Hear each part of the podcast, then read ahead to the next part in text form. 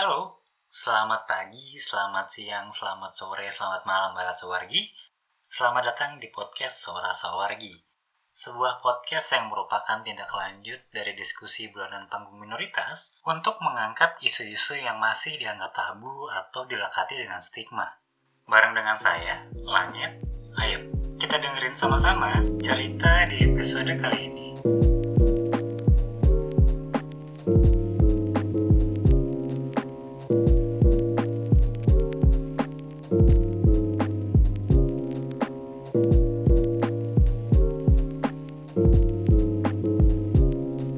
Halo Buat Sawargi, jumpa lagi ya bareng sama Langit di podcast Suara Sawargi. Semoga Balat Sawargi nggak pernah bosan ya buat dengerin suara langit di tiap bulannya. Suaranya langit yang merdu ini ya. langit, langit narsis aja kamu. Nah di episode kali ini Langit akan membahas tentang HIV AIDS yang sebenarnya juga Tema ini sebelumnya pernah dibahas di dalam diskusi panggung minoritas di tahun 2019. HIV AIDS sebenarnya sudah lama bersama kita dan kayaknya tuh bakalan selalu penting ya untuk kita bahas dan juga kita pelajari lebih lanjut. Terutama sampai sekarang masih aja banyak orang yang belum melek dengan isu ini. Apalagi nih ya, kemarin akhir-akhir ini di Jabar sempat heboh tentang isu HIV AIDS. Mungkin Balat Sawargi masih ingat atau ya pernah lah sesekali selewat mendengar atau membaca kalau Wakil Gubernur Jawa Barat Pak UU itu menyatakan bahwa solusi untuk mencegah HIV AIDS yang meningkat di Jawa Barat adalah dengan menikah dan berpoligami. Tanggapan tersebut berawal dari trending Twitter mengenai banyaknya anak muda yang katanya mayoritas mahasiswa di Bandung terinfeksi HIV. Dan hal ini ya jelas lah bikin geger dan juga panik netizen atau warganet. Padahal nyatanya nih ya, data tersebut sebenarnya tuh akumulasi dari 30 tahun ke belakang bukan setahun ke belakang, bukan dua tahun ke belakang, melainkan 30 tahun ke belakang. Wah gitu loh, kok mengherankan ya? Kenapa sampai sekarang masih aja ada stigma negatif dan juga diskriminasi terhadap ODA atau orang dengan HIV AIDS? Padahal nih isunya sudah lama, banyak kampanye-kampanye yang menyuarakan tentang anti diskriminasi terhadap Oda, tapi kok ya sampai sekarang ya masih aja ada orang-orang yang melakukan hal tersebut ya. Nah, makanya nih di episode kali ini Langit pengen tahu nih jawabannya dan Langit akhirnya berhasil ngundang yang kayaknya pantas banget ya buat di diskusiin bareng sama Langit di episode kali ini. Di episode ke-13 dari Suara Sawargi yang berjudul Out of the Blood. Narasumber yang akan menemani langit kali ini adalah Kang Abe, Kepala Divisi Advokasi Media dan juga Edukasi dari Perkumpulan Puzzle Indonesia. Kang Abe juga aktif sebagai aktivis HIV AIDS dan juga keberagaman gender. Halo Kang Abe, apa kabarnya? Kabar baik, kabar baik. Gimana nih kota Bandung nih Kang Abe?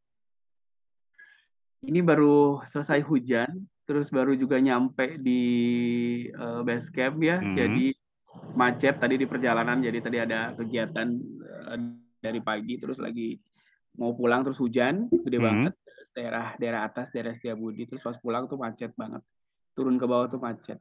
Aduh, Bandung nih kayaknya juga lagi macet banget ya di kotanya Langit iya. juga macet banget. Nah, nih Balat Sawargi, Langit tuh mau ngenalin Kang Abe. Jadi Kang Abe ini siapa nih?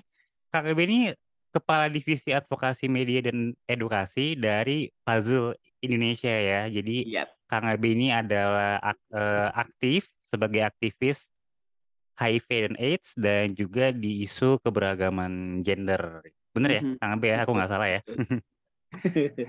nah, Kang Abi, nah beberapa waktu yang lalu nih sekitar sebulan, dua bulan mm -hmm. yang lalu ya kalau nggak salah ya. Yep, yep. Indonesia itu kan lagi-lagi ya dihebohin sama berita kalau yang namanya Jawa Barat itu penduduk yang terinfeksi HIV/AIDS itu tinggi. Kalau nggak kalau Langit nggak salah denger itu ada 400, cuman detailnya sendiri tuh Langit nggak ngerti nih gitu. Nah, Iya. Kang Abe kan tinggal di Bandung nih ya di Jawa Barat Bandung. kan. Mm-mm. Heeh.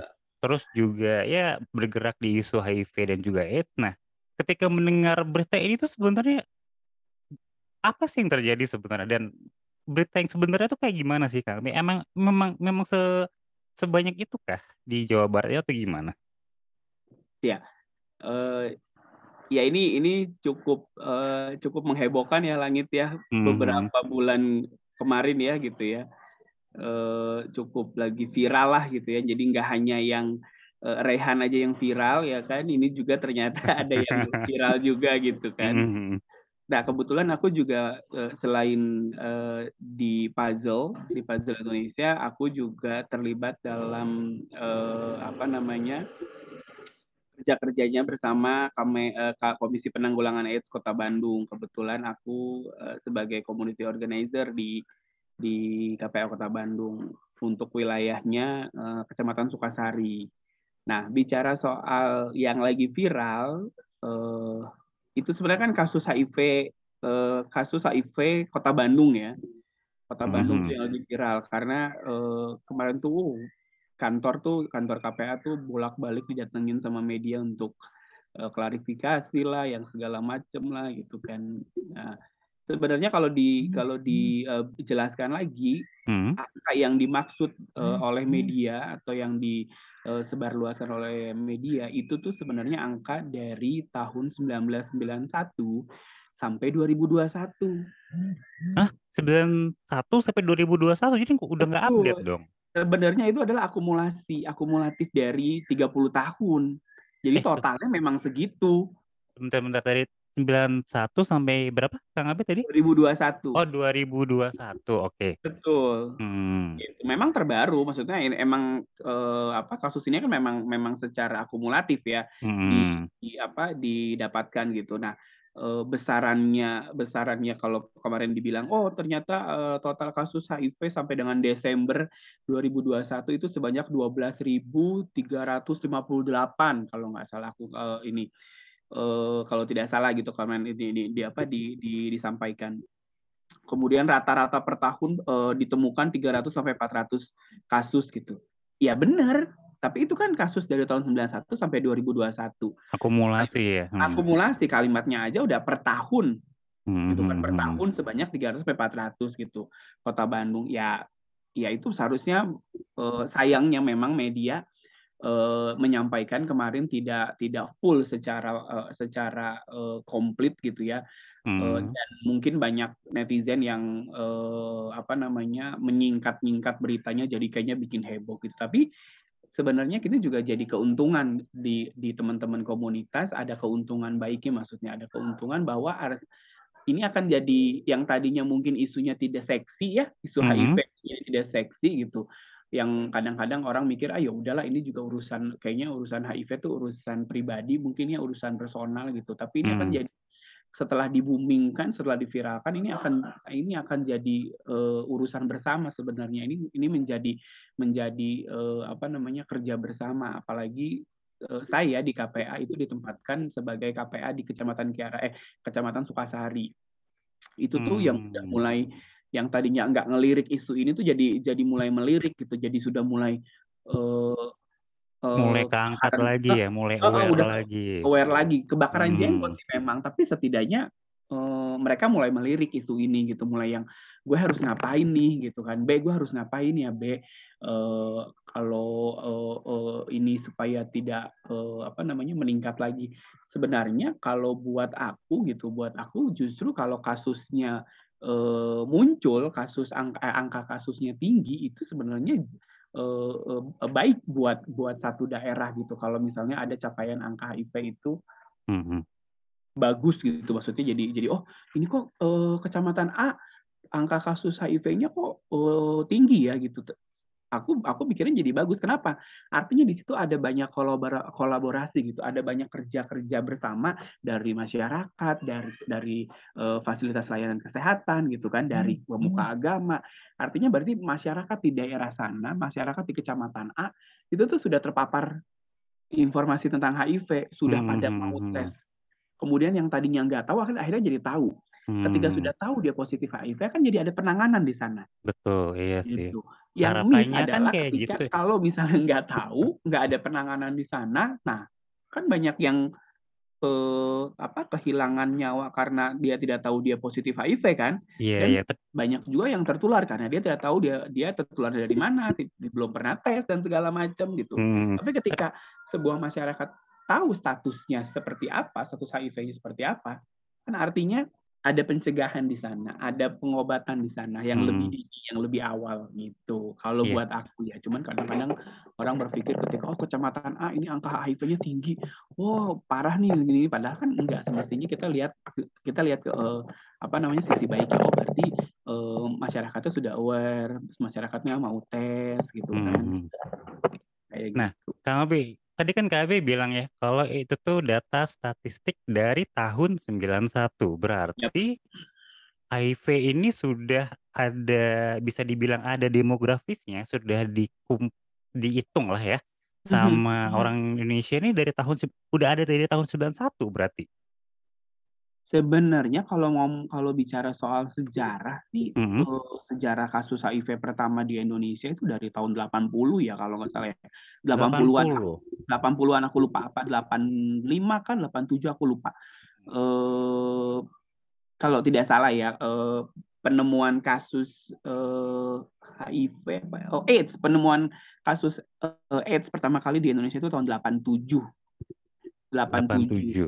Betul, 87 eh apa namanya eh iya eh, 87 kemudian di di di Bali kalau tidak salah aku lupa itu di mana di di di Bali. Eh, di Bali kalau nggak salah. Penyebarannya itu justru lewat eh, ya itu tadi transmisi eh, seksual transmisi seksual yang memang eh, munculnya kalau tidak salah awalnya dari per- eh, dari transmisi seksual eh, heteroseksual apa namanya di- ditemukannya. Dan menem- dan ditemukannya juga bukan orang Indonesia kalau tidak salah. Orang Australia apa orang Eropa aku lupa yang ada di Bali.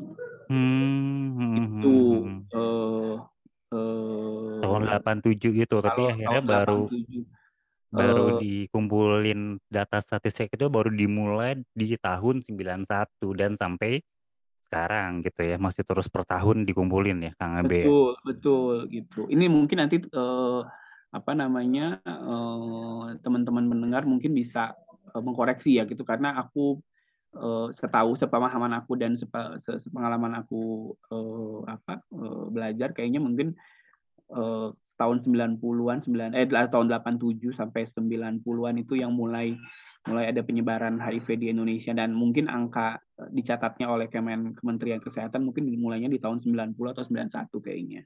Hmm. Nah Kang Abe kita balik lagi ke berita yang kemarin heboh dan viral di Mm-mm. Jawa Barat itu ya. Nah tadi kan Kang, Kang Abe bilang ya kalau ada berita kayak gitu tuh justru malah jadi bagus orang-orang jadi Mm-mm. aware lagi gitu kan. Mm-mm. Nah cuman eh, kembali lagi ya karena media itu kan bisa dibilang kayak punya ya Kang Abe kan juga sebagai orang media pasti ngerti lah ya.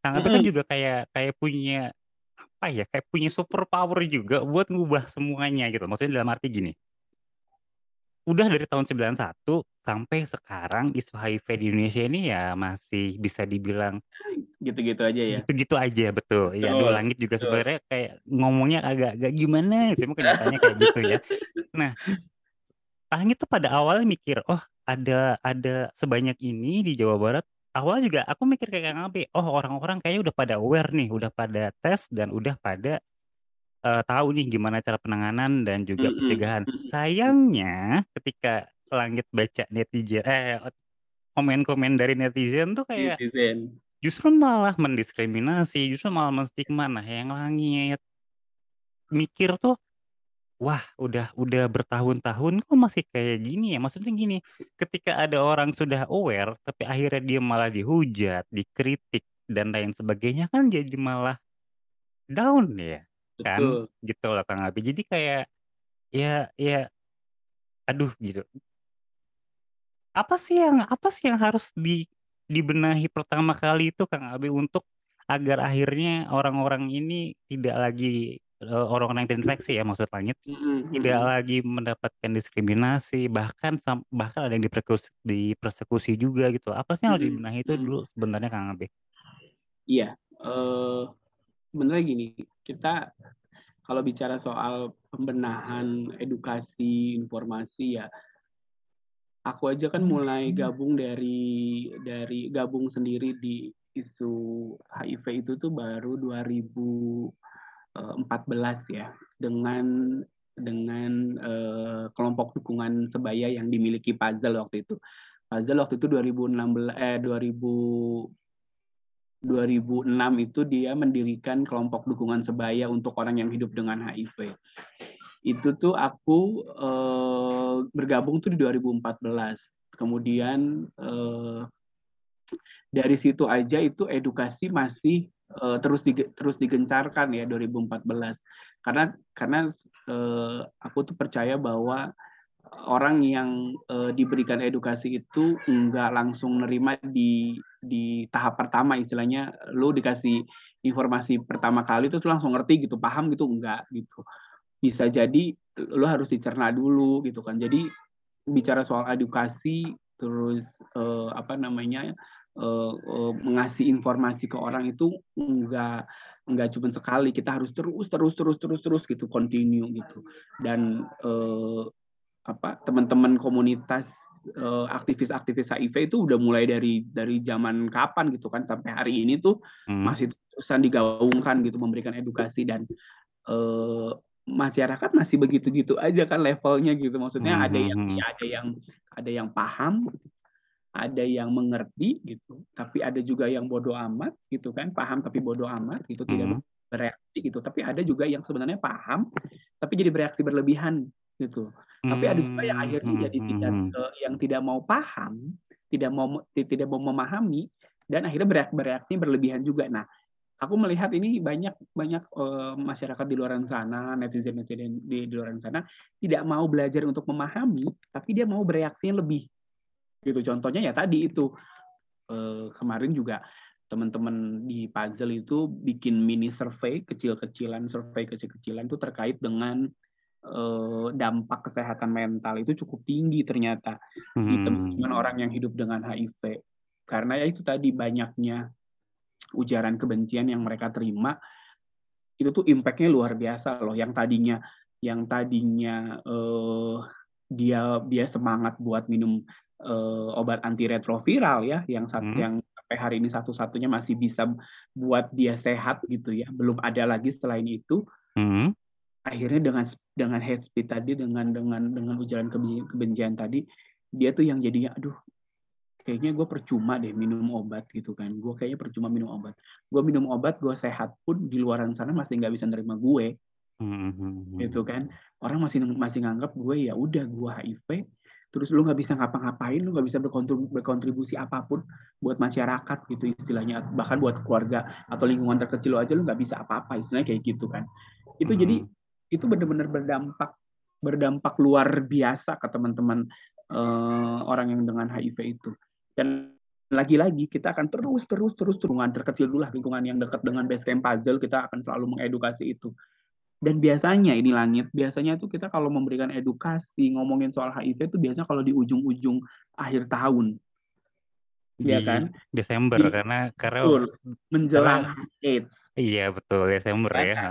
menjelang hari AIDS makanya makanya kita kita akan terus teruskan gempurkan ini teruskan gempurkan dari awal tahun dari Januari itu sampai sampai Desember kita terus gempurkan uh, edukasi ter, terkait dengan ini dan untungnya puzzle memang setiap apa namanya setiap hari lah gitu ya setiap hari hmm. paling tidak seminggu ini ada uh, dalam seminggu itu ada aja uh, tiga eh, tiga sampai lima sampai lima uh, apa uh, pengikut yang di sosial media tuh bertanya di DM terus kalau nggak di Hmm. Twitter dan segala macam. Memang biasanya uh, yang mereka tanya tuh apa nih Kang Abe?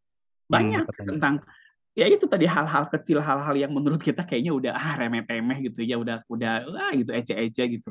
Kayak uh. kecil aja ciuman bisa nggak sih? Gue kemarin main dengan pasangan gue tanpa kondom, terus gue harus periksa uh, periksa uh, gue harus tes HIV nggak sih? Kemudian ketika dia habis main sama uh, orang yang bukan pasangannya, ketika dia tes, kok gue gue masih negatif. Berapa sih jarak yang sebenarnya harus bisa uh, apa namanya harus bisa uh, melihat gue positif apa enggak ketika gue habis main misalnya kayak gitu. Hal-hal yang remeh-temeh yang sebenarnya kita Oh, yang hmm, sebenarnya mas- kita basic basic basic banget tapi uh-uh. Tapi sebenarnya itu jadi jadi uh, apa kunci utama dalam penanganan pencegahan HIV, penularan HIV ya.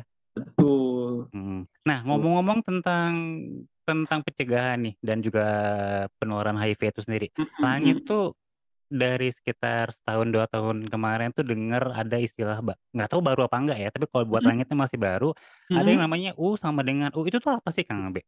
Nah, ini memang lagi ini juga ya, maksudnya ini memang lagi uh, digencarkan juga oleh uh, teman-teman aktivis HIV dan juga Kementerian Kesehatan kalau tidak salah ini mah uh, U sama dengan U adalah undetectable Hmm.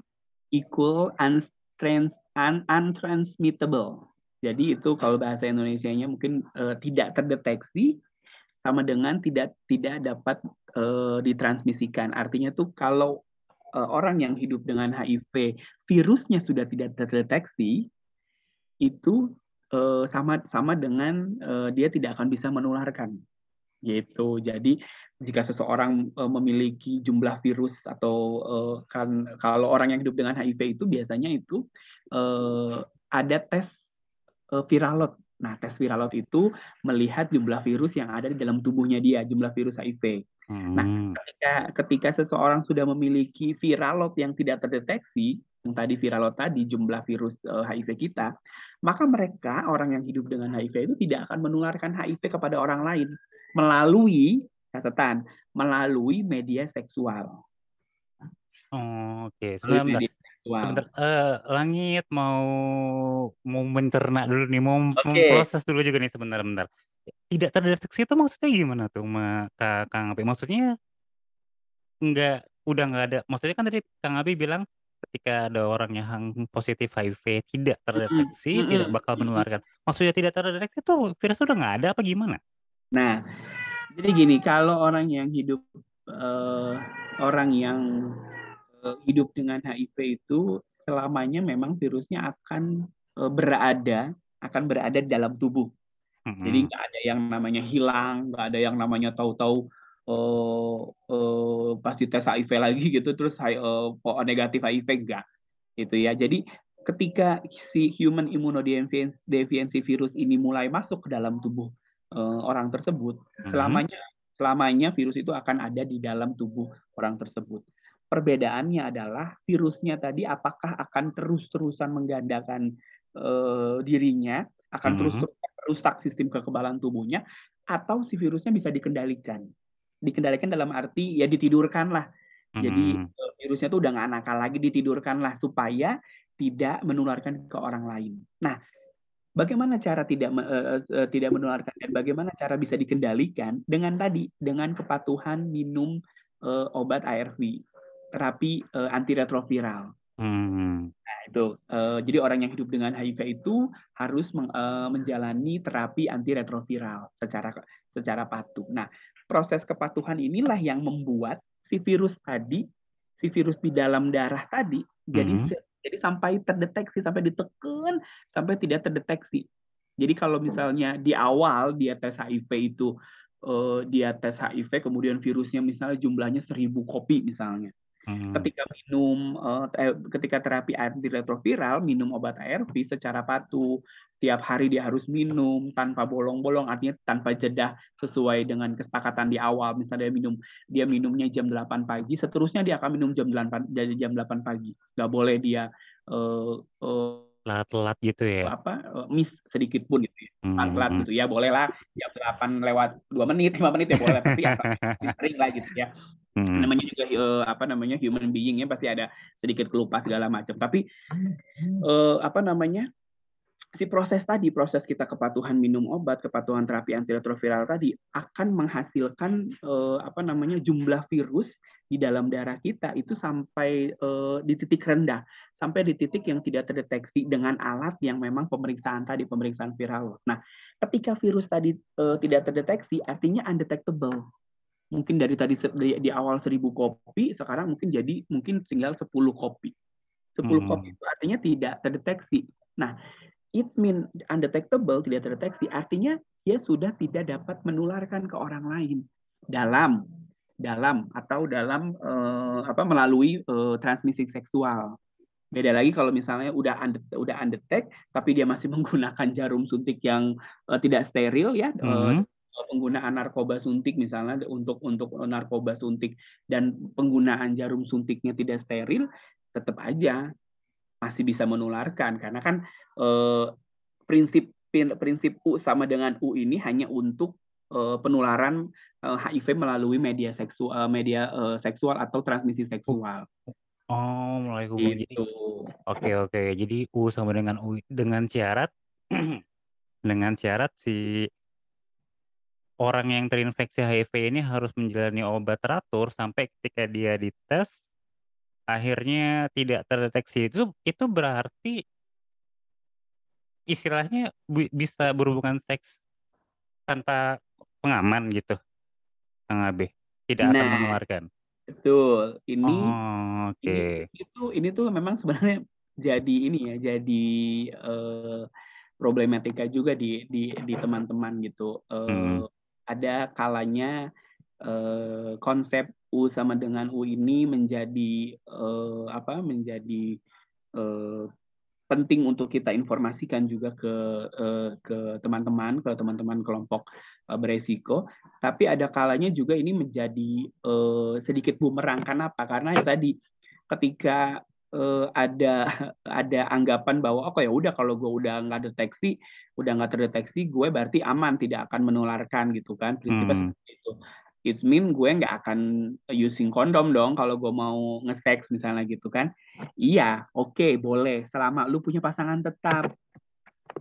Iya, tapi kan iya, Langit juga ini sebenarnya Langit juga pengen nanya nih. Oke, okay, si si orang yang terinfeksi ini terinfeksi HIV ini mungkin nggak bakal nularin, tapi kan uh, sistem imunnya kan sudah tidak sebaik dengan orang pada umumnya ya, but, tapi kan dia tetap akan rentan terhadap penyakit lain yang masuk ke dia nggak sih, Kang Abe? Atau gimana? Setuju. Kalau kalau kalau kita melihat itu bahwa uh, sistem imunnya masih rentan, tapi yang namanya orang yang hidup dengan HIV sebenarnya memang sistem imunnya udah akan kembali lagi uh, seperti biasa ya, seperti oh, uh, kalau udah, udah minum ARV itu ya, ya bakal kembali ya, lagi kayak pada, orang biasa ya, ya, betul, ya, ya, akan ya, kembali pada pada pada apa namanya pada kondisi yang yang yang semula. Hmm. Hanya hmm. catatannya itu tadi ketika memang ini di di apli apa di di di di terapkan diterapkan kepada teman-teman uh, yang uh, meyakini bahwa ya udah gue tidak tidak terdeteksi itu nggak akan menularkan. Tapi dengan catatan kalau misalnya dia memang melakukan hubungan seksual dengan pasangan tetapnya. Yeah, yeah, yeah, kalau dia menggunakan eh kalau dia tidak menggunakan kondom tapi dengan pasangan yang tidak tetap itu bisa jadi ada uh, infeksi menular seksual ya kan? Yang masuk ke dia. Iya yang betul betul. dia, ya gitu. kamu nggak bukan bukan hanya ke pasangannya bisa jadi ke dia gitu iya, kan iya, iya. Uh, ada hal-hal sebenarnya ini konsep ini bagus gitu ya.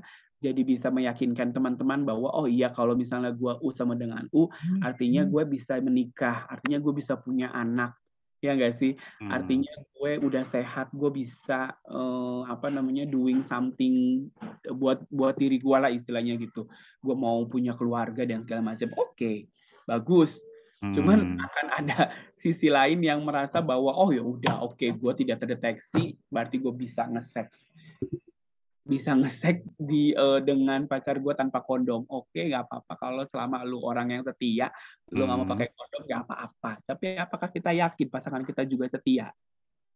Hmm. gitu kemudian tidak pakai kondom kemudian dia bisa jadi ya pokoknya banyak hal sebenarnya. Cuman ini masih masih masih dalam perdebatan antara agree and ama, amanat agree antara pro dan kontra. Cuman tetap aja kalau misalnya ditanya ke aku ya aku akan aku akan aku akan sampaikan bahwa ya ini konsep ini apa namanya uh, bagus.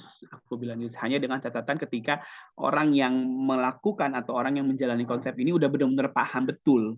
Yang langit penasaran banget gitu kan sama Kang Abi pengen tanya ini tanya nih tentang U sama dengan U gitu kan. Ya yeah, ternyata yeah. udah ketemu nih jawabannya. Kalau memang ya balik lagi orang yang terinfeksi HIV itu ya rajin tetap rajin minum obat udah kamu bakal aman bakal bisa berdaya kayak orang-orang pada umumnya dan nggak bakal nularin tapi dengan catatan kamu juga harus bisa dibilang behave lah ya gitu kan Mm-hmm. jangan jangan ya betul pakai pengaman tetap harus kan kalau dengan berbagai macam orang gitu kan maksudnya berganti-ganti pasangan iya intinya.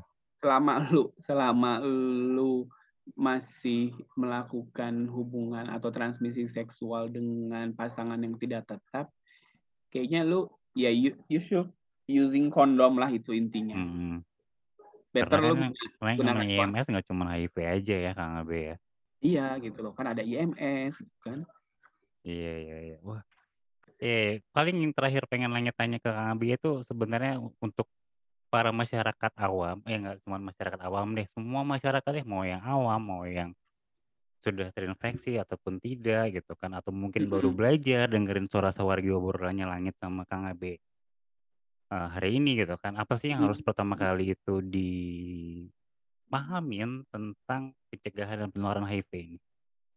Iya, sebenarnya kita sudah harus bisa melihat bahwa rangka penularan HIV itu bukan pada kelompok tertentu gitu. Kita sudah harus bisa masyarakat sudah harus paham itu dan uh, puzzle dan KPA juga dan dan kawan-kawan uh, lain yang aktivis-aktivis lain LSM LSM lain di Bandung juga sudah mulai uh, mengkampanyekan bahwa apa namanya penularan HIV itu sudah bukan lagi pada populasi kunci tertentu atau populasi beresiko tertentu gitu.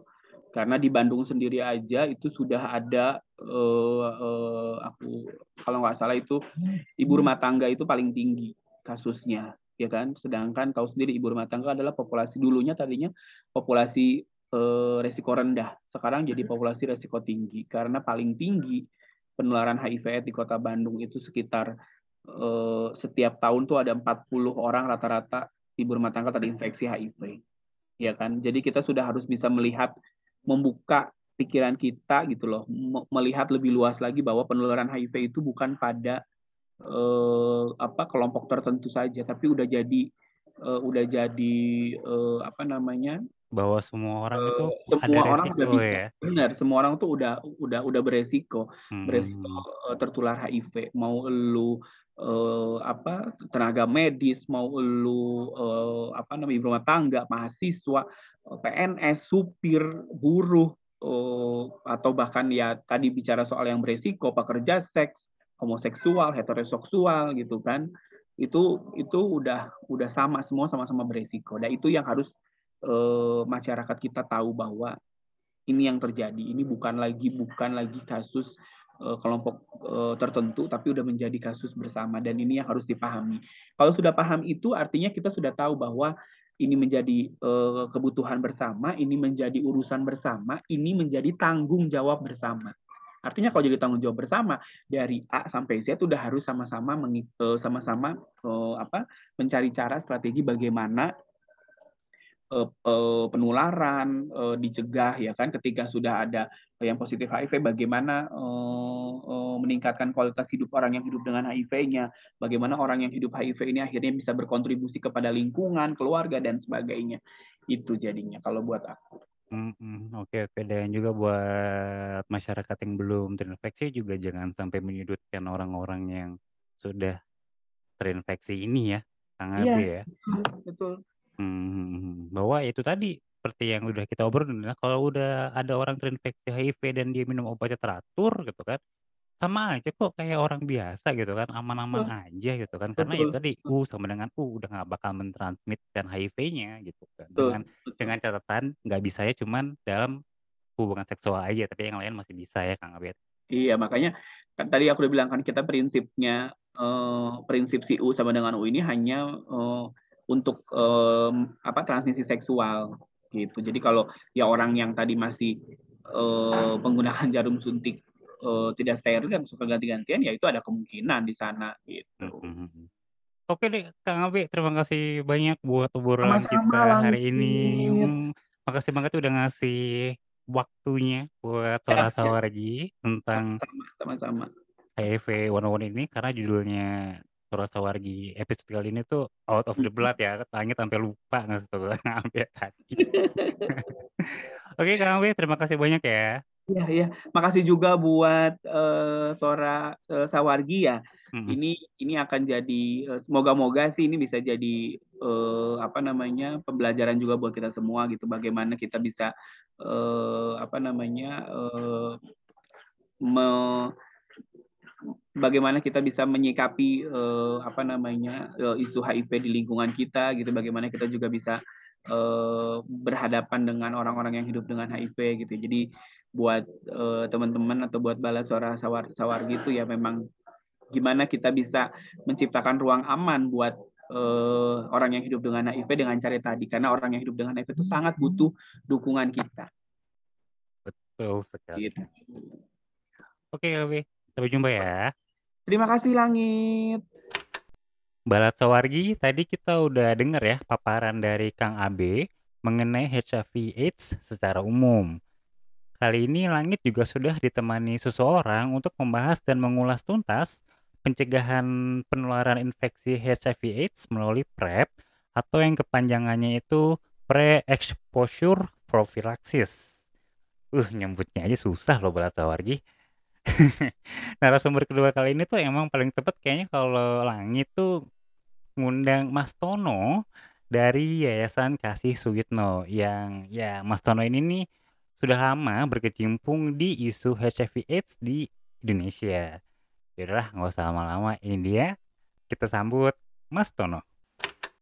Di episode kali ini, kalau ngomongin sama yang namanya PrEP, kayaknya nggak afdol ya kalau kita nggak ngomongin sama advokatnya PrEP itu sendiri Balat Sawargi. Nah, Langit ini udah ngundang Mas Tono, Tono Permana, dari Yayasan Kasih Suitno. Dia ini yang dulu mungkin sampai sekarang ya mungkin nanti Mas Tono bisa jelasin lebih jauh lagi yang bisa akhirnya membuat prep ini bisa diakses di Indonesia. Apa kabar nih Mas Tono? Oh baik, Langit apa kabar? Langit juga baik walaupun cuacanya dari kemarin aduh bikin banjir Mas Tono. bikin bikin mager. Iya dan juga bikin mager betul. iya, bener bener. Iya, sebelumnya Langit mau ngucapin terima kasih banyak untuk Mas Tono yang sudah meluangkan waktunya hari ini buat ngobrol sama Langit. Ngomongin tentang yang namanya PrEP ini ya, Mas hmm. Tono. Iya, sama-sama makasih loh. Saya juga udah diundang bisa berbagi informasi sama teman-teman semua. Iya, dan kita nih bakal ngomongin yang namanya PrEP atau kepanjangannya itu aduh Langit tuh suka suka salah bacanya ya. Pre-exposure profilaksis, bener nggak? Langit Betul. ngomongnya. Bener ya? Nah, hmm. itu tuh sebenarnya apa sih maksudnya? Apa hubungannya antara PrEP itu sama HIV? HIV ya. Nah. Oke. Okay. Uh, eh, jadi uh, kita ngomongin dulu HIV bahwa HIV adalah teman-teman tahu ya uh, virus yang membuat uh, kekebalan tubuh manusia menurun atau bahkan uh, bisa hilang kalau tidak ditanganin. Nah, uh, selama ini kan kita tahu bahwa supaya kita nggak kena HIV maka harus ada pencegahan tuh. Hmm. Nah uh, dari dulu tuh ada uh, pencegahannya adalah dengan salah satunya nggak berhubungan seks katanya. Lalu ya setiap ada pasangan misalnya. Lalu gunakan kondom kalau berhubungan seks yang beresiko atau banyak pasangannya. Uh, lalu nggak pakai narkoba suntik dan uh, mengedukasi. Nah, semakin ke sini itu yang namanya HIV itu udah 40 tahunan ya dari sejak ditemukan epidemi HIV sampai dengan saat ini. Jadi banyak sekali terobosan-terobosan. Nah, salah satu dari terobosan itu adalah ketika uh, para ahli menemukan bahwa seseorang yang sudah terinfeksi HIV kalau dikasih obat ternyata dia bisa tidak menularkan HIV. Itu bisa hmm. jadi Nah, tapi di, orangnya sudah terinfeksi HIV dulu. Nah, yang terakhir nggak terakhir juga sih pada tahun 2015 tuh kalau nggak salah ya eh, WHO telah menyetujui uh, terobosan baru pencegahan HIV bagi orang yang belum terinfeksi HIV, jadi masih negatif, itu dengan minum ARV, minum obat HIV. Tapi bedanya obatnya itu dua komponen. Kalau ARV yang untuk ODIF, orang yang terinfeksi HIV itu tiga komponen. Jadi hmm. Pre-exposure profilaksis adalah kita mencegah supaya kita yang yang negatif ini nggak kena HIV dengan cara minum obat HIV gitu ARV. Itu maksudnya. Oh, jadi PrEP ini sendiri juga sebenarnya itu bisa dibilang, uh, obat maksudnya ARV juga atau gimana? Iya, ARV, tapi dia hanya dua komponen, yaitu, uh, tenofovir dengan eri uh, aduh agak susah ya aku ininya, uh, emricitabin emricitabin ya. Oh, Jadi dua tuh yang yang di yang digunakan dalam, uh, pencegahan HIV melalui obat gitu. Kalau ARV-nya sendiri yang untuk ODIF itu ada tiga komponen biasanya, macam-macam ya, tapi ada tiga komponen. Hmm, sedangkan kalau PrEP ini cuman si dua jenis obat itu aja yang dijadiin ya. satu itu? Oh baru ya. itu? Atau memang cuman itu aja? Yang di Indonesia dipakai hanya itu. Kalau kenapa? Karena di Indonesia itu regimen obat memang terbatas. Kenapa? Karena obatnya sendiri masih disediakan oleh pemerintah. Jadi mm -hmm. uh, pemerintah uh, biasanya mengambil obat yang sangat efektif, jadi efektif, lalu uh, harganya tidak terlalu mahal karena kita belinya generik dan tersedia di mana-mana gitu. Jadi untuk sementara memang hanya regimen itu saja yang yang ada di Indonesia. Oh gitu. Dan oke okay, Mas Tono, langit ini kemarin sempat agak riset-riset sedikit ya. Gimana hmm. sih ceritanya si PrEP ini tuh bisa masuk ke Indonesia dan dan ada YKS nih, Yayasan Kasih Sweetno di sana sebagai salah satu yayasan yang yang tri bukan teriak-teriak ya, kok teriak-teriak kesannya kok kayak jelek banget. Kayak nge-push pemerintah untuk segera memasukkan PrEP ini ke Indonesia karena kayak aktif karena dia tuh efektif untuk pencegahan penularan HIV. Itu gimana ceritanya tuh Mas Tono? Kok bisa bisa bisa akhirnya pemerintah mengiyakan permintaan dari YKS dan teman-teman ini? Iya, jadi gini, YKS itu sendiri kan selama ini fokusnya adalah menguatkan atau menciptakan layanan-layanan uh, tes dan pengobatan HIV yang bersahabat uh, hmm. bagi komunitas ya, siapa aja mau laki-laki yang berusaha dengan laki-laki, mau gay, biseksual, uh, uh, transpuan atau waria atau perempuan, anak muda. Nah, nah jadi selama kita berproses memberikan bantuan teknis itu, kita juga melihat bagaimana sih sebenarnya kondisi penanggulangan HIV di Indonesia itu ternyata sama lah di dengan di seluruh dunia bahwa penanggulangan HIV-nya memang agak uh, khususnya di Indonesia itu agak tertatih-tatih karena berbagai macam lah gitu. Kalau misalnya kita ngomongin pencegahan HIV berbahasa dengan menggunakan kondom, uh, khususnya misalnya bagi teman-teman gay dan waria ataupun ya seks, kita melihat kondom itu sendiri ketersediaannya agak susah ya, yang yang gratis ya.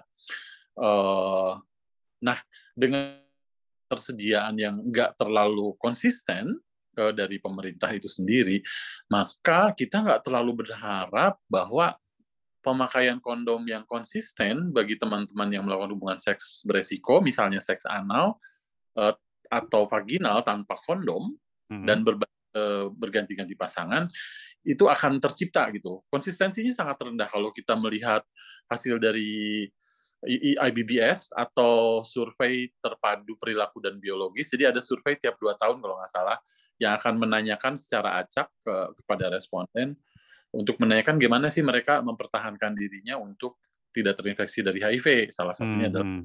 dengan kondom. Nah, enggak, enggak konsisten. Bahkan mungkin di bawah 70% ya yang konsistennya. Nah, lalu setelah kita melihat rekomendasi WHO di tahun 2015 dan kita juga melihat bagaimana pelaksanaan di negara-negara yang waktu itu sudah melaksanakan duluan, uh, saya lihat di beberapa kota yang konsentrasi teman-teman uh, eh, LSL cukup tinggi, misalnya di San Francisco atau Sydney atau uh, di London, itu kita melihat bahwa dengan memberikan PrEP, uh, dengan pencegahan melalui uh, pemberian obat ARV ini, ternyata bisa menekan angka HIV baru hingga 40 persen, khususnya bagi kelompok yang sangat berisiko.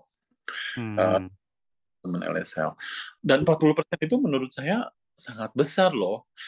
Hampir Uh, setengahnya ya, Mas Tono ya? uh, uh, saya ngelihat misalnya contoh di sebuah klinik yang cukup banyak didatengin teman-teman LSL, hmm. Itu dari 100 pasien eh, dari 100 pasien yang datang untuk tes, rata-rata 20 orang itu positif loh. Jadi 20% ternyata positif. Nah, dari 20% ini 80% di antaranya teman-teman LSL. Jadi saya melihat kalau uh, kami ya, kami melihat kalau kondom tidak digunakan dan tidak disediakan secara konsisten, hmm. maka ini akan terus ada. Nah, jadi kita harus cari terobosan. Salah satunya adalah kenapa nggak dicoba PrEP juga supaya kita bisa uh, mengurangi uh, infeksi baru gitu. Dan PrEP ini berarti sudah bisa diakses di Indonesia, Mas Tono? Ya, PrEP sudah bisa diakses di Indonesia. Saat ini sebetulnya masih uh, penelitian operasional ya, operasional research karena pemerintah Indonesia juga tidak terlalu berani untuk langsung uh, melaksanakan uh, ini sebagai program nasional. Jadi harus dilihat dulu hmm. apakah hmm, hmm, hmm. yang akses atau enggak gitu kan.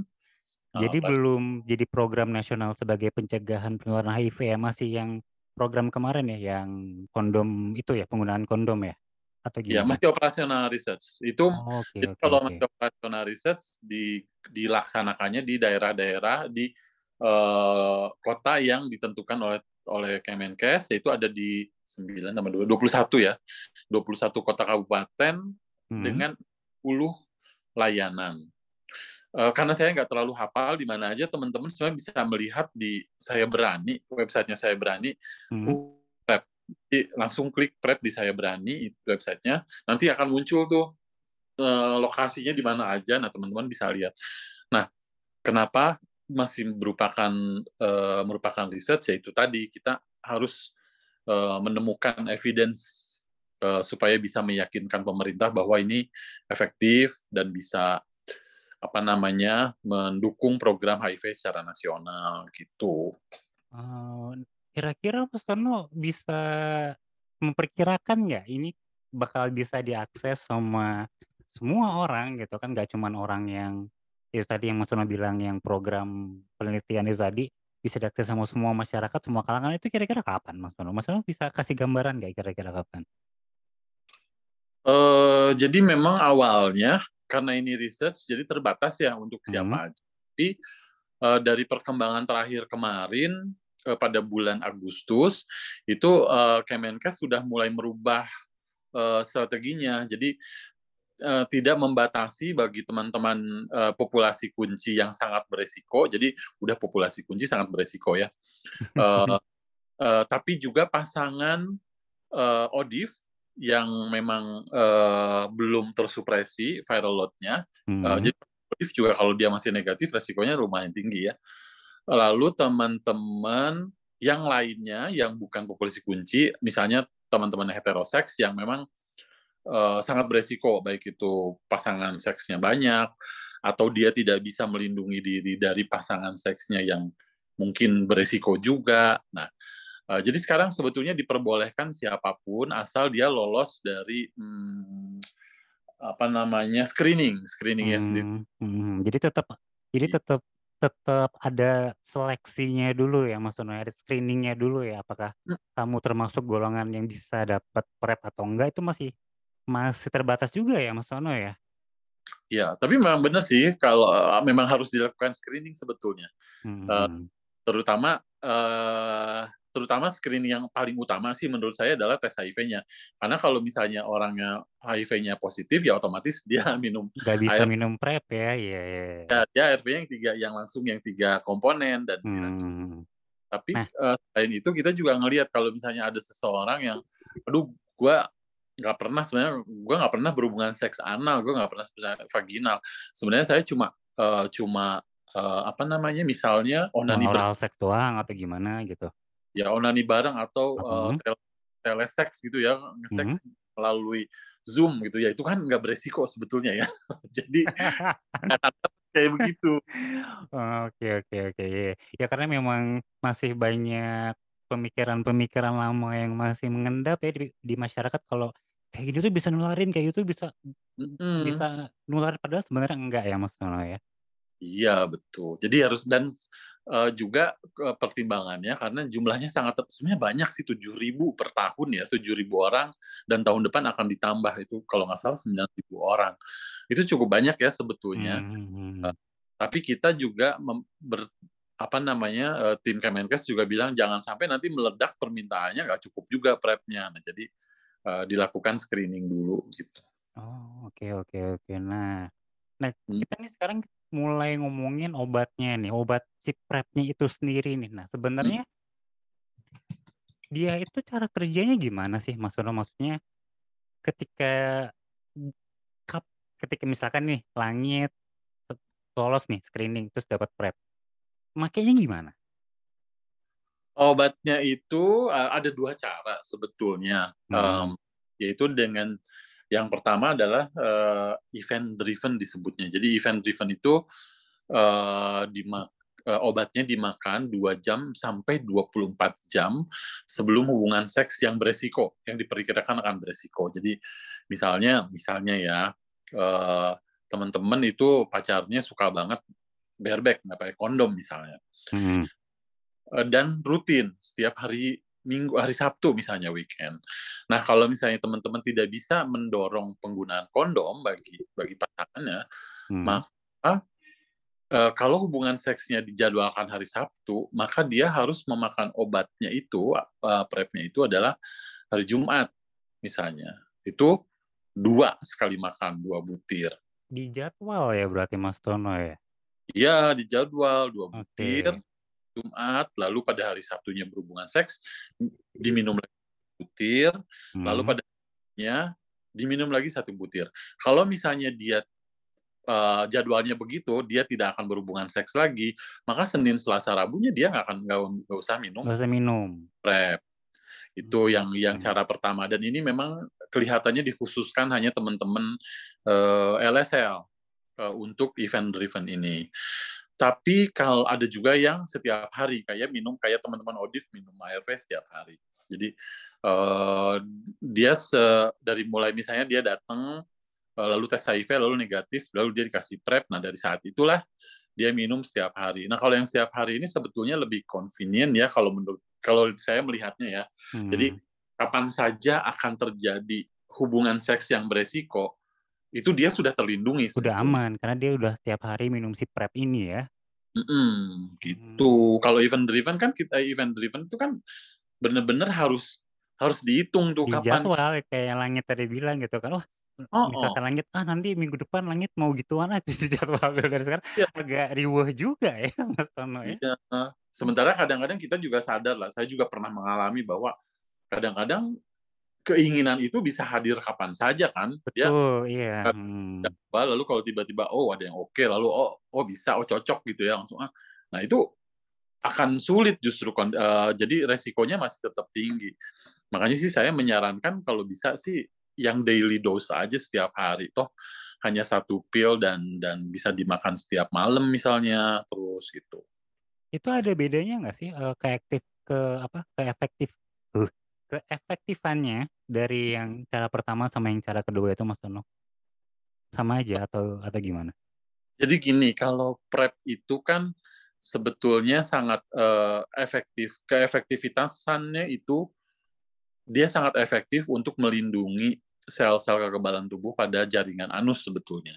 Kalau untuk vagina itu dia um, butuh waktu yang lebih lama untuk bisa melindungi uh, sel-sel di nah, makanya PrEP ini sangat efektif untuk kelompok LSL dan uh, transpuan atau orang-orang yang uh, memang suka uh, berhubungan seks secara anal. Hmm. Uh, nah, efektivitasnya kalau untuk yang melakukan hubungan seks anal itu dua-duanya efektif gitu. Uh, baik itu event event driven ataupun daily. Uh, karena uh, biasanya uh, biasanya obat ini akan akan efektif setelah dua jam kita meminumnya dua yang yang event driven itu kan pertama dosis pertamanya dua ya langsung hmm. dua jam sampai 24 jam kalau yang mm, uh, daily dose itu uh, disarankan uh, hari pertama minum obat tidak langsung berhubungan seks itu ya uh, besoknya uh, minum lagi, nah baru mulai aman. Gitu. Tapi itu yang anal. Kalau yang vaginal itu saya kurang, saya belum belum baca lagi. Cuma yang pers menurut saya yang vaginal itu dia diminta untuk beberapa hari tidak berhubungan seks uh, beresiko dulu, gitu. Hmm. Oke, Mas Tono, berarti kalau langit tangkep, PrEP ini cuman mencegah penularan kalau berhubungan seks ya? Berarti kalau penularan yang lain kayak misalkan untuk melahirkan atau uh, ibu hamil yang melahirkan bayi gitu, terus juga penularan lewat jarum suntik itu berarti masih bisa menular HIV ini, walaupun dia sudah mengkonsumsi PrEP? Um, kalau ibu ke bayi, jadi gini kalau PrEP itu kan yang bersangkutan yang melindunginya. Kalau hmm. ibu ke bayi, kan kita juga nggak bisa ngasih PrEP ke bayinya ya, karena belum lahir ya. Hmm. ibu, tapi kalau dari ibu ke ibu hamil yang positif ya, yang ya, ODIF, ke bayinya kan dia bisa melindungi bayinya dengan si ibunya yang minum ARV. Jadi, kalau ibunya positif ya, ARV. Iya, uh, jadi okay di Indonesia hmm. itu ada program ibu hmm. hamil dites HIV-nya. Jadi kalau ketahuan dia langsung minum ARV.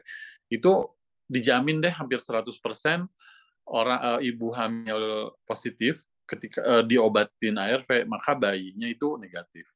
Kalau misalkan ada cerita nih ternyata hmm. ibunya hamil negatif, hmm. tapi ternyata suaminya positif, minum PrEP masih bisa nggak? Ibu hamilnya minum PrEP boleh, diperbolehkan. Oh, diperbolehkan ya. Oke, oke, oke.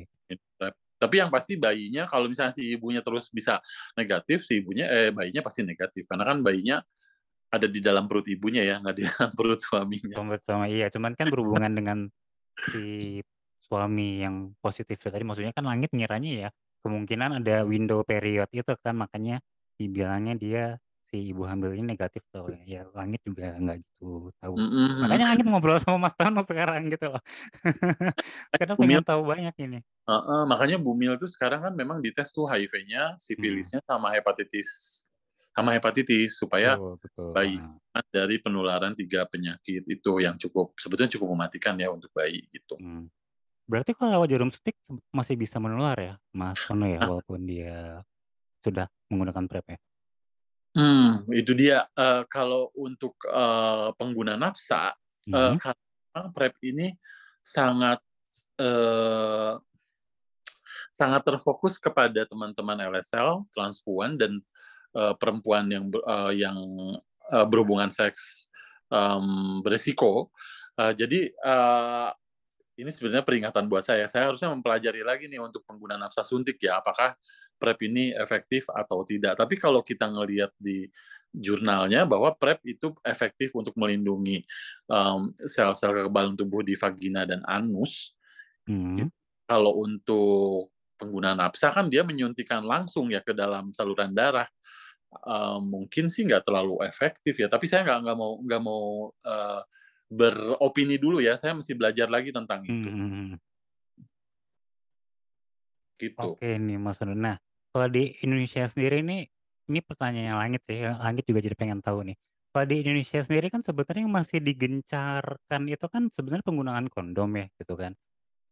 Tapi kan kayak yang tadi Mas Tono tadi bilang itu ya dan juga cerita dari teman-teman yang langit kalau pakai kondom itu banyak aja alasannya yang membuat mereka tuh enggan untuk pakai hmm. gitu kan mulai dari nggak enak lah, malu untuk belinya lah, bingung untuk aksesnya lah. Bahkan yang bahkan tuh Langit pernah ikut ikut pertemuan gitu kan, hmm. konferensi gitu dan Langit tuh sempat sampai mikir, kenapa sih kondom untuk pencegahan kehamilan dan juga untuk pencegahan penularan HIV itu dibedain? Kan sama-sama kondom itu Langit tuh sempat sempat mikir kayak gitu, apakah Langitnya yang nggak nyampe mikirnya atau gimana gitu. Kenapa sih, uh, kalau misalkan ada PrEP gitu kan yang walaupun masih diuji coba ya, tapi kan katanya efektif banget nih gitu kan. Kenapa hmm. sih nggak nggak segera aja gitu loh Mas Tono, kalau tahu data penggunaan kondom untuk laki-laki ini masih sangat minim sebagai pencegahan penularan HIV? Ya karena itu tadi, kan infrastrukturnya juga harus disiapin ya. Mhm. Kita melihat kalau program kondom ya, uh, kalaupun misalnya nggak disediakan uh, gratis. Tapi kalau kondom kontrasepsi itu ada selalu ada di BKKBN ya, karena itu hmm. adalah program program pemerintah ya masuknya. Nah, uh, dan tahu kan di kita itu kan masih sangat normatif ya program program pemerintah tuh masih mengagungkan uh, kekeluar apa uh, pembentukan keluarga yang normatif gitu keluarga yang uh, yang yang biner uh, gendernya jadi cowok hmm. sama gitu jadi sementara kalau kita ngomongin HIV kondom ini akan digunakan oleh teman-teman gay misalnya oleh teman-teman pekerja seks yang sebetulnya itu sendiri menjadi sangat sangat kontroversi ya di, di, di para pengambil keputusan dan itu sebetulnya yang membuat program HIV di Indonesia itu menurut saya tertatih-tatih banget deh. Jadi kebingungan ya kalau kita punya program program kondom kayak kemarin di Bekasi eh, kepala dinasnya malah di di demo ya katanya terus dikirim surat protes karena dia dianggap me, mempromosikan kondom dan eh, sebagai eh, dukungan untuk seks uh, bebas dalam tanda kutip ya uh, atau seks yang yang ya yang yang bebas gitu yang nggak yang nggak mengikuti norma. Nah kalau untuk prep ini akan lebih nggak sulit sih, tapi challenge-nya itu akan lebih banyak karena layanannya sendiri harus disiapin di mana. Karena itu kan uh, dengan undang-undang kesehatan kita obat itu masih dianggap uh, domainnya layanan kesehatan, nggak bisa sembarangan uh, kita nyebarin obat nggak kayak kondom ya hmm, teman-teman LSM. Bener bener bener iya ya. Nah ini kan masih obat walaupun dipakai untuk pencegahan. Nah terus hmm. Obatnya terbatas, dibeli oleh uang program. Jadi kita harus nyiapin, nah ini aja nyiapin 60 layanan aja dari tahun akhir tahun lalu yang benar-benar bisa memberikan layanan itu belum separohnya loh, belum 30-nya. Jadi masih banyak kalau misalnya teman-teman akses mau akses PrEP ditolak di layanan uh, di puskesmas misalnya karena mereka merasa ini programnya belum ada atau pemerintah kita belum mengizinkan dan sebagainya. Jadi nah itu makanya kita menggunakan research dulu supaya kita bisa melihat yang efektifnya seperti apa, lalu bisa diterapkannya bagaimana, aturan-aturannya kayak apa. Seperti itu. Pengennya sih memang langsung aja gitu ya, rep mm -hmm. semua orang, tapi ya nggak bisa juga. Terus berhubungan Kayak bisa semudah itu ya Mas Tono ya, Ya. masih banyak langkah yang harus dilewatin sebelumnya ya Mas Tono ya? Mhm, bener bener. Jadi banyak hal, makanya perjuangannya itu luar biasa ya, kita memperjuangkan dari 2016 aja, 2022 ini baru bisa terlaksana, itu udah enam tahun, tujuh tahun sebenarnya yang terbuang ya. Hmm. Gitu, dan teman-teman juga harus ingat ya, PrEP itu hanya mencegah HIV-nya. Jadi kan orang, uh, tadi kan dibilang kan ada program kondom, ya sebetulnya kalau teman-teman masih menggunakan kondom dan menggunakan PrEP itu double protection sebetulnya ya. Lebih baik ya Mas Sono ya. Hmm, karena uh, eh, IMS-nya sendiri tidak akan terproteksi kalau misalnya teman-teman uh, tidak pakai kondom nih berhubungan seks tidak pakai kondom lalu hmm. uh, kemungkinan terkena GO atau kasifilis atau ke yang lain-lain penyakit yang lain-lain itu masih ada kemungkinan itu. Nah, tapi kita melihatnya dari sisi seberapa seberapa darurat ya. Kalau HIV itu gini, teman-teman kalau kena IMS masih bisa diobatin kan, itu masih bisa datang ke layanan lalu diobatin. Karena buat teman-teman yang akses PrEP itu nanti setiap kali ngambil obat akan dites tuh IMS sama HIV-nya. Nah, kalau IMS bisa diobatin, nah kalau HIV ketika teman-teman kena HIV itu ya sudah seumur hidup teman-teman akan bawa HIV itu di dalam di dalam di dalam tubuh kita. Dan nah, akhirnya nggak minum prep lagi, tapi akhirnya berubah ke ARV ya, Mas KRV. ya. Hmm. Ya, kita juga ngelihat dampak dampak dari orang terinfeksi HIV itu banyak ya. Uh, psikososialnya terkena dampak, kalau dia sakit ekonominya juga terkena dampak, kesehatannya pasti. Nah dengan PrEP ini kita berharap seseorang itu masih tetap bisa negatif HIV-nya sehingga kondisinya bisa tetap baik gitu loh sampai Dan tetap berdaya ya di masyarakat ya. Mm-mm, benar. Hmm. Tujuannya ke sana dan PrEP juga tidak menun, uh, tidak mencegah kehamilan pasti ya. Oh, bisa hamil ya untuk pasangan yang heteroseksual hmm. ya maksudnya. Benar. Kalau yang memang heteroseksual lalu minum PrEP dianggap jaga kehamilan ya nggak bisa, dia tetap hamil. Hmm, hamil bukan alat kontrasepsi ya PrEP ini ya, tapi alat pencegahan penularan HIV ya, bukan kontrasepsi ya, betul betul. Tuh dia HIV aja. Ah, nah ini ini semoga ini yang Barat Sawargi dengerin nggak nggak jadi down ya denger kalau PrEP ini ternyata masih dalam tahap di uh, tahap penelitian ya. Tapi ya untuk saat ini mungkin langkah terbaik kalau pengen berhubungan seks ya pakai kondom ya Mas Tono atau yang lebih baik lagi ya jangan berhubungan seks ya nggak sih Mas Tono? Iya, kita sih berharapnya kayak gitu. Tapi kan kalau masalah urusan kasur, ranjang, seks ya gimana uh, sih ya? Udah pakai kondom aja lah ya mas untuk sekarang ya Mas Tono ya. Enggak, iya nggak bisa kontrol. Dan masalah kondom juga kita nggak bisa kontrol karena kalau kita lihat hmm. dan uh, kalau misalnya ngobrol ya, saya, saya ini ada anekdot. Jadi nggak nggak nggak berdasarkan survei yang yang sohih gitu ya. Hmm. Kalau kalau misalnya dalam diskusi grup gitu, kita nanya ini kan kita udah ngebagi ini kondom sama pelicin. Uh, biasanya yang dipakai dua-duanya apa mana? Itu kebanyakan teman-teman yang diskusi itu ketawa-ketawa lalu bilang sebetulnya sih yang kita pakai pelicinnya. Terus bilang loh kenapa kondomnya nggak dipakai? Ya nggak enak pakai kondom. Nah kan saya juga bingung ya apakah mungkin karena kondom yang dibagi untuk kualitasnya nggak bagus bisa jadi.